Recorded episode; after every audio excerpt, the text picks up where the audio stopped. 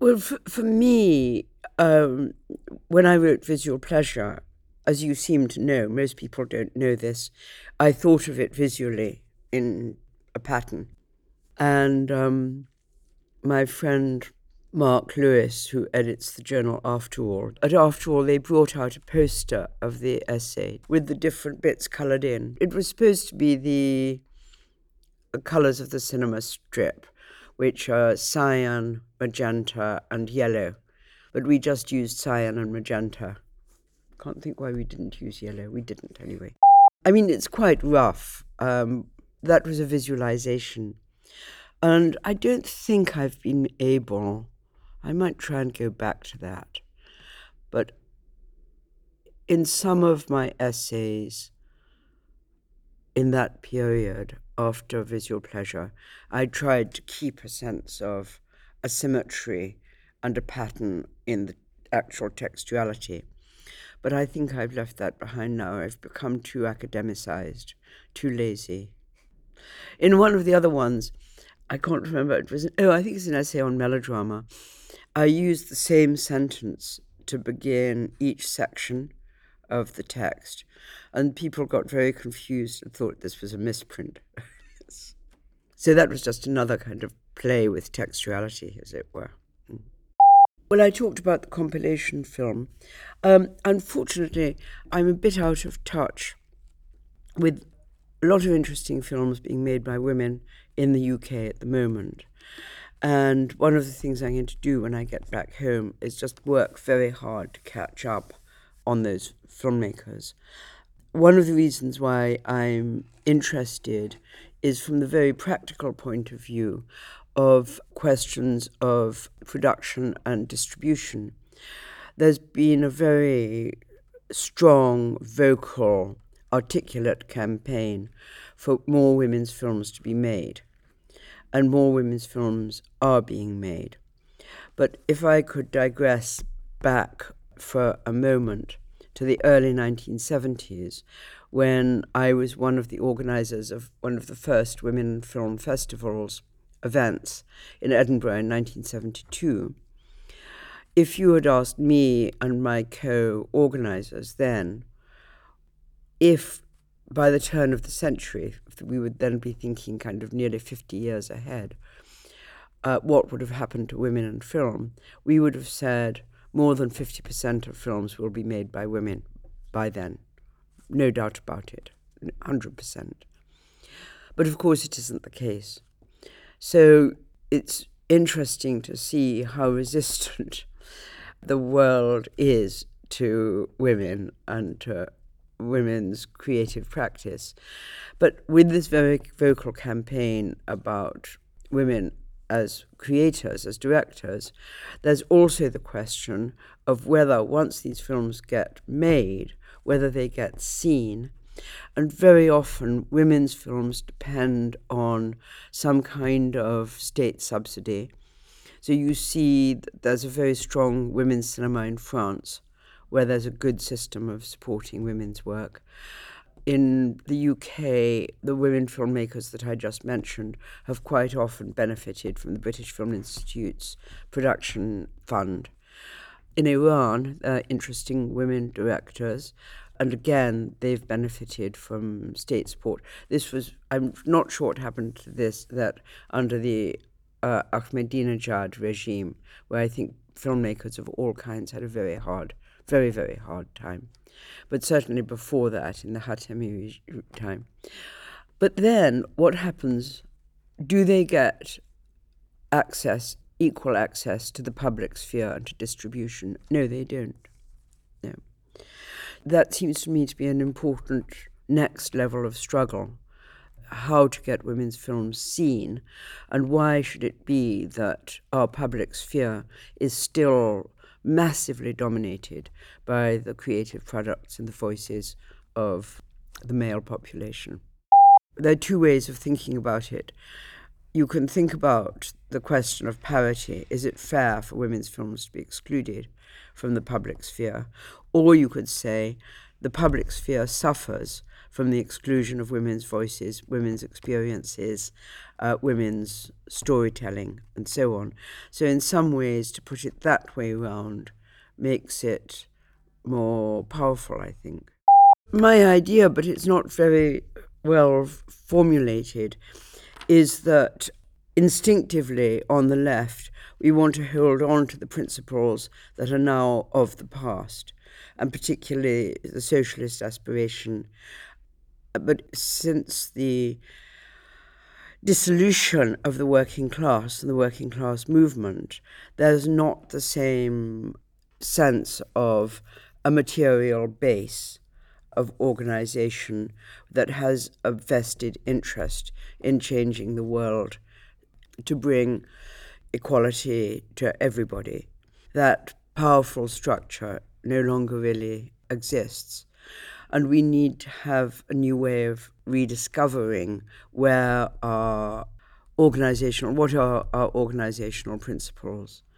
Um, once that question of the universal rights of uh, the fought by the working class doesn't exist, and it seems to me that that's the great triumph of capitalism. It's that capitalism has actually literally defeated that socialist movement and that aspiration doesn't mean that capitalism is in itself a, in a good way, because what's happened is that we have too much power to finance capitalism, hedge fund capitalism, so that actually our manufacturing industries aren't functioning the way that they should be, because they're subject to quick turnovers, selling, moving, being taken from in this particular case, Cornwall to Poland, um, always the uh, controlling interests are only concerned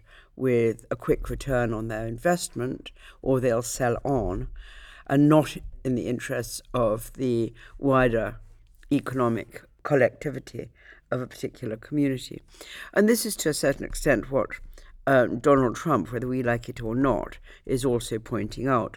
But the point is that he's got it completely wrong because he's looking back into the past in terms of coal and mining and so on. Whereas what is needed is a rethinking of the past and a revitalization of it so that questions of energy and questions of global warming are, you know, one whole way in which we can reconstitute our politics. But that's all very well, but it doesn't deal with the problem of post industrialization and how we can kind of reinvent an economy for those that have been left behind. And it's certain that Donald Trump is not the person who's going to to do it. But from my point of view, it doesn't seem to me that Jeremy Corbyn has been putting his mind to those kinds of questions either.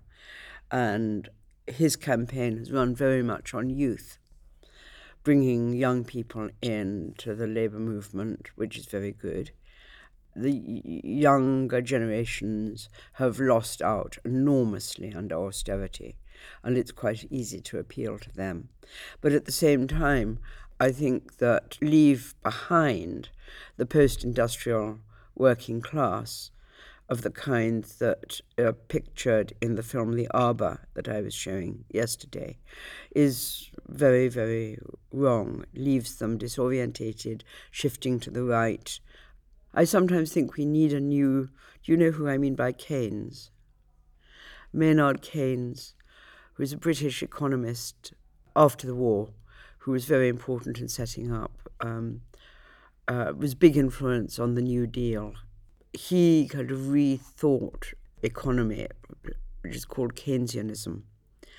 But Keynesianism only really worked in the previous economic structures.